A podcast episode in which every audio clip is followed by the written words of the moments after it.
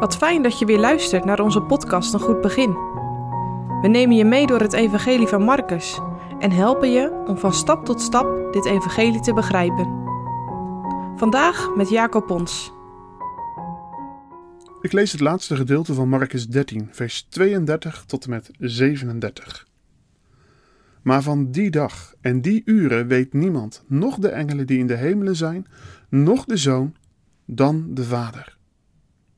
Zie toe, waakt en bid, want u weet niet wanneer de tijd is. Gelijk een mens buitenslands reizende zijn huis verliet en zijn dienstknechten macht gaf, en elk zijn werk en de deurwachter gebood dat hij zou waken. Zo waak dan, want u weet niet wanneer de Heer des huizes komen zal. Des avonds laat, of de middernacht, met het hanengekraai of in de morgenstond, opdat hij niet onvoorziens komen en u slapende vinden. Hetgeen ik u zeg, dat zeg ik allen. Waakt. In het verleden zijn er mensen geweest die precies uitgerekend hadden wanneer Jezus terugkwam. En nog steeds zijn er mensen die daarmee bezig zijn. Soms zelfs met grote gevolgen.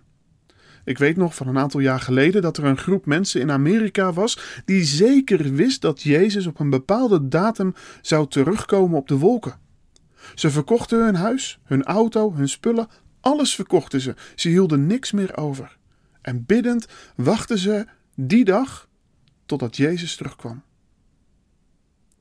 Maar die dag kwam Jezus niet. En ook de volgende dag niet. Straatarm bleven ze achter.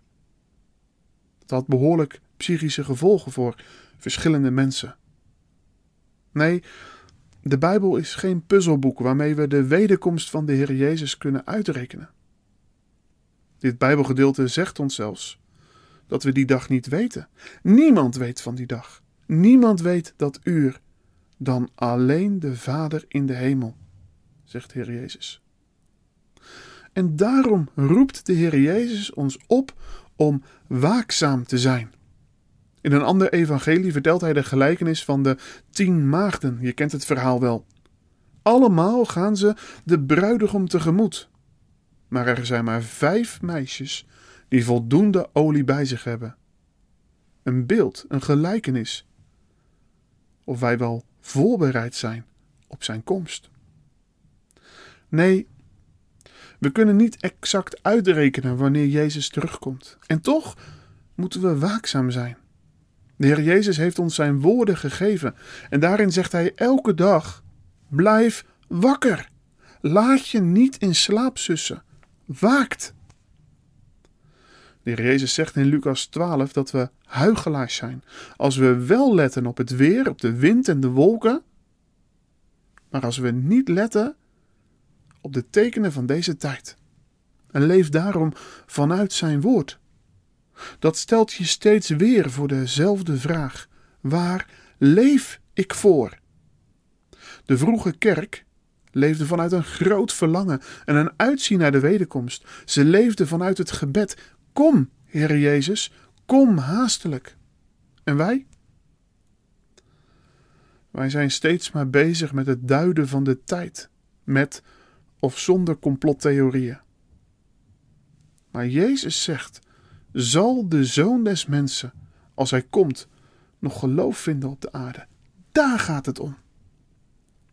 Laten we in plaats van rekenen en rekenen en rekenen, laten we in plaats van bezig zijn met de tijd wanneer Jezus terugkomt, of druk bezig zijn met alles te duiden, laten we er maar voor zorgen dat we wakker zijn als hij komt. Wakker blijven zoals een bewaker wakker moet blijven. Niet alleen overdag, maar juist ook s'nachts. Hoe donker het ook is, hoe moeilijk het ook wordt, hoe lang het ook duurt, al verdwijnt alle hoop, hij zal komen.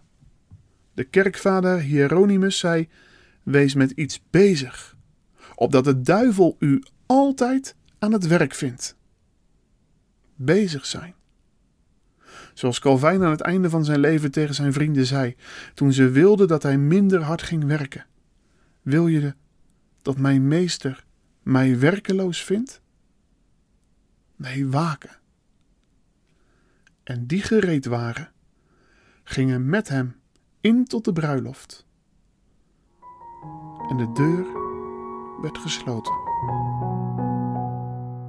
Ik geef het je vandaag vanuit dit Bijbelgedeelte nog een keer mee. Zo waak dan.